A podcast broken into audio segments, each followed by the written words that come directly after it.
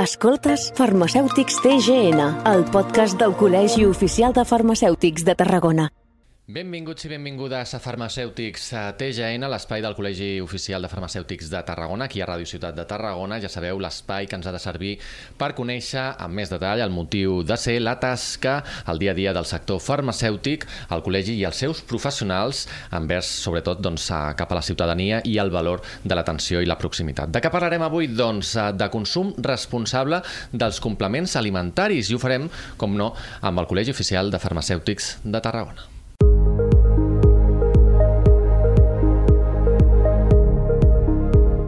L'Agència Espanyola de Seguretat Alimentària i Nutrició recomana als consumidors realitzar un consum responsable dels complements alimentaris. Els consumidors són responsables de la seva pròpia salut, d'atendre el consell dels metges i d'altres experts sanitaris, així com també doncs, seguir les instruccions d'ús i els advertiments de l'etiquetatge dels productes, però no sempre doncs, s'actua doncs, amb aquesta responsabilitat.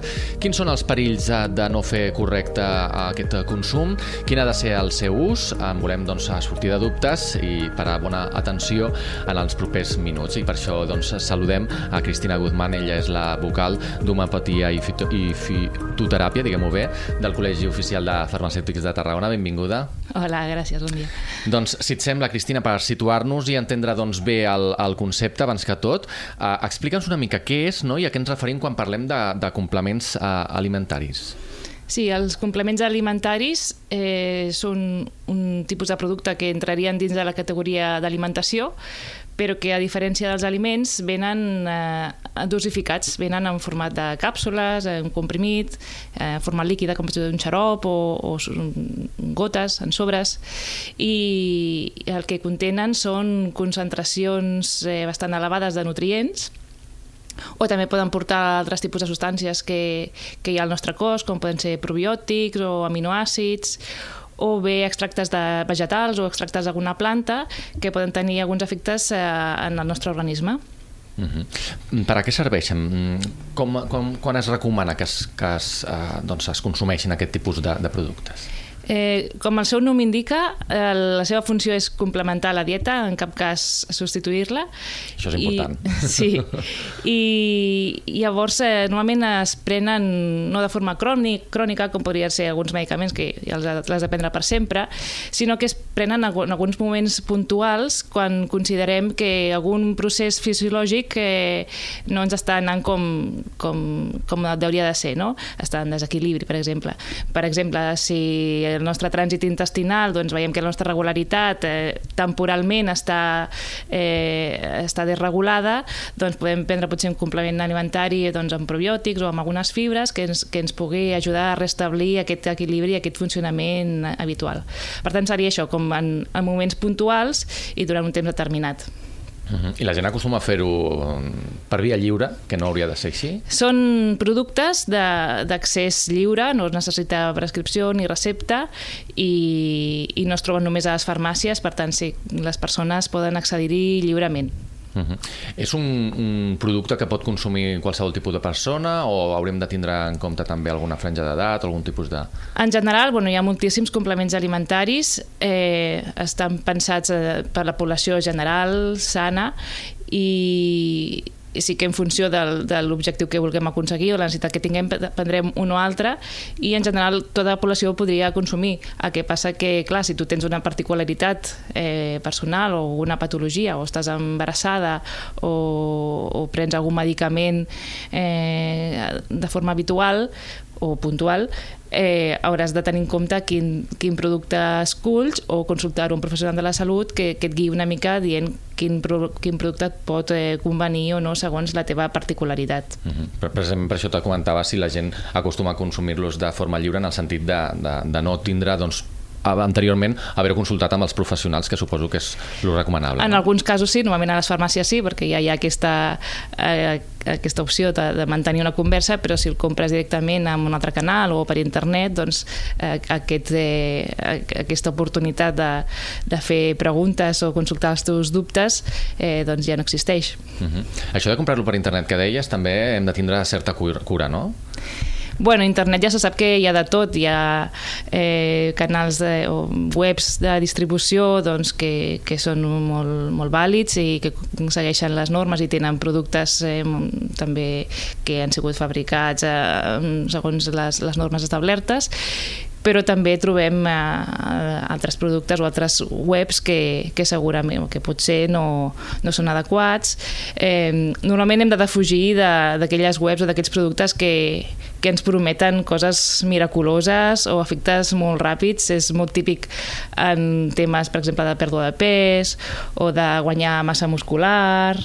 Eh, amb aquests productes ens, ha, ens han de tirar enrere si, si ens prometen aquestes coses i a més de forma molt ràpida. Pensa també que la regulació d'etiquetat i publicitat dels complements alimentaris és bastant estricta i en cap cas poden fer referència a aquest tipus d'efectes ni, ni a prevenir malalties ni, ni a tractar-les. Per tant, eh, sempre que una web o algun canal ens, ens eh, ofereixi o ens prometi aquest tipus de, de resultats hem d'anar una mica amb, amb cura. I per tant, molt important, sempre que sigui possible, doncs, adquirir-los a les oficines de farmàcia on els professionals podeu orientar i, i treure els dubtes dels, dels usuaris. Sí, per una banda les farmàcies eh, dona eh, aquest punt de, de, de, de garantia també. i de confiança, garantia pel que fa a la qualitat i la seguretat, perquè un producte que està a la farmàcia té molts més números que hagi estat fabricat i distribuït eh, segons les normes de correcta fabricació i distribució, que compleixi les, la normativa eh, a part està dins del canal farmàcia i de la distribució farmacèutica, que és un dels canals més, més regulats. Si s'ha de retirar algun producte o algun lot afectat per algun defecte de qualitat, els farmacèutics de seguida eh, rebem la notificació i, i, i ho fem d'igual forma que ho fem amb els medicaments. I per això és un, un punt de qualitat i de seguretat. I per altra banda doncs, el que comentaves de, de l'assessorament personalitzat no, als farmacèutics i, i als nostres tècnics i auxiliars que en molts casos a més coneixem aquest pacient que, perquè ja és un client habitual i coneixem quines patologies té, quina és la seva situació personal, quina medicació pren, i llavors sempre podem fer un assessorament més, més personalitzat i, mm. i triar un complement alimentari que, que s'adequi més a les, seves, a les seves necessitats. Teniu evidències que cada cop se consumeixin més aquest tipus de, de complements alimentaris? Bueno, la realitat és que cada vegada n'hi ha més eh, hi ha més oferta, també a les farmàcies i, i també la, la presència d'internet, el producte alimentari, com deia, és, és un producte de, del consum general, eh, d'accés lliure, i per tant la gent els adquireix a, als supermercats, a internet o en altres tipus, altres tipus d'establiments. Per tant, sí, jo crec que hi ha més consum, però també perquè això, perquè hi ha més, més varietat i més oferta. Uh -huh. I no sé si en alguna època de l'any més que una altra o... Bueno, cada època de l'any té... de les dietes, potser... cada època de l'any té... O sigui, una mica d'estacionalitat. Potser a l'hivern la gent busca més com una mica eh, sistema immunològic, fer una mica de, de prevenció, de refredats i així, eh, augmentar les defenses, no?, que diem i més cap a, cap a l'estiu eh, doncs temes de pèrdua de pes, cap a la tardor tema de caiguda de cabell i la pell hi ha una mica d'estacionalitat, sí. Mhm. -huh. Quin tipus de perfil fan major consum? I no sé si hi ha algun perfil que s'hauria d'abstenir. Abans comentaves, per exemple, cura també de les embarassades. Mm. Per les embarassades hi ha alguns complements eh, específics per elles. Per tant, de fet, hi ha, és tan, és tan gran la varietat que hi ha potser en gent gran, que també hi ha molts complements, com que ja prenen molta medicació, ja prenen moltes pastilles, eh, doncs no és tan habitual que la gent gran prengui tants complements. I més doncs, gent jove, esportistes, estudiants, doncs potser sí que tenen més probabilitat de consumir aquest tipus de productes perquè no prenen medicaments, no? I, i bueno, però sí, hi ha una, hi ha una mica per, per tots. Mhm. -huh. Quins serien els errors més comuns? Abans comentàvem la importància de que siguin un complement, que és com s'anomenen, i no un substitutiu. Mm. Eh, a l'etiquetat sempre hi ha una, una dosi recomanada, una dosi diària recomanada, i jo crec que un dels errors més habituals és no seguir aquesta dosi recomanada, tant per excés com per defecte. Hi ha persones que poden prendre més de lo recomanat doncs perquè volen el, el resultat que sigui més, més ràpid o més fort, i però també és molt habitual gent que es compra complement alimentari i, i no el pren cada dia, pren avui sí, tres dies no, i llavors tampoc, al final tampoc has de ser una mica constant segurament per veure eh, l'efecte desitjat. Ja, ho, ja ho hem dit que no fan miracles. No, no, no. Llavors sí que és, tot i que prenguis durant un temps determinat, sí que has de ser una mica constant eh, durant aquest temps. Jo que, crec que aquests són els errors més habituals. I també això, esperar miracles, molt típic, això amb la típica dieta per perdre pes o mm, per la retenció de líquids i així, eh, això d'anar acompanyat d'altres mesures dietètiques i d'activitat física, etc. Uh -huh. Per tant, fem una mica l'ABC, les recomanacions a l'hora de, de doncs, prendre aquests uh, complements alimentaris. Sí, jo primer que tot eh, crec que allà on l'adquireixes, el canal on l'adquireixes és, és important, que sigui sempre canals de confiança, si és per internet també en, en webs o proveïdors de confiança, hi ha també moltes farmàcies que venen online i, bueno, i si sempre hi ha l'oportunitat de, de consultar-ho amb un farmacèutic o amb un metge o un professional de la salut eh, quin complement s'adequa més a les teves necessitats, eh, doncs millor, no? I després seguir sempre l'etiquetat i també si tens algun dubte, perquè perquè això perquè estàs embarassada o amb lactància o prens algun medicament, doncs eh, això, buscar-ho a l'etiquetat i si et queda dubte, doncs consultar-ho amb un professional de la salut. Mm. Quines conseqüències ens eh, podem trobar en no fer cas d'aquest tipus de recomanacions, sobretot si es consumeixen amb excés, potser? Sí, a veure, el que busquem quan prenem un complement és eh, buscar la salut i si no segueixes el recomanat al final pots trobar un efecte, un efecte perjudicial, pot haver-hi eh, doncs, casos d'intoxicacions, fins i tot les vitamines i els minerals que, que a vegades és el més habitual en complements, els típics multivitamínics, si es prenen en excés doncs al final t'acaben perjudicant els teus propis processos fisiològics.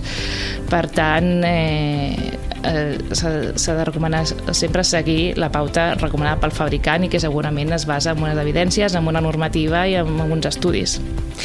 Doncs uh, complements alimentaris és el tema que avui hem volgut uh, tractar en aquest espai de farmacèutics uh, eh, TGN i nosaltres doncs, un dia més agraïm Cristina Guzmán, vocal d'homeopatia i fitoteràpia del Col·legi Oficial de Farmacèutics de Tarragona, que ens hagis donat totes aquestes pinzellades i aquestes instruccions que esperem que els nostres oients i seguidors doncs, hagin pres nota. Moltes gràcies. Gràcies a vosaltres. I a vosaltres, gràcies un dia més per haver-nos acompanyat en un capítol més de Farmacèutics TGN. Ja sabeu, el podcast del Col·legi Oficial de Farmacèutics de Tarragona, aquí a Ràdio Ciutat de Tarragona Trobareu la resta de capítols doncs, a www.rctgena.cat. Fins la propera.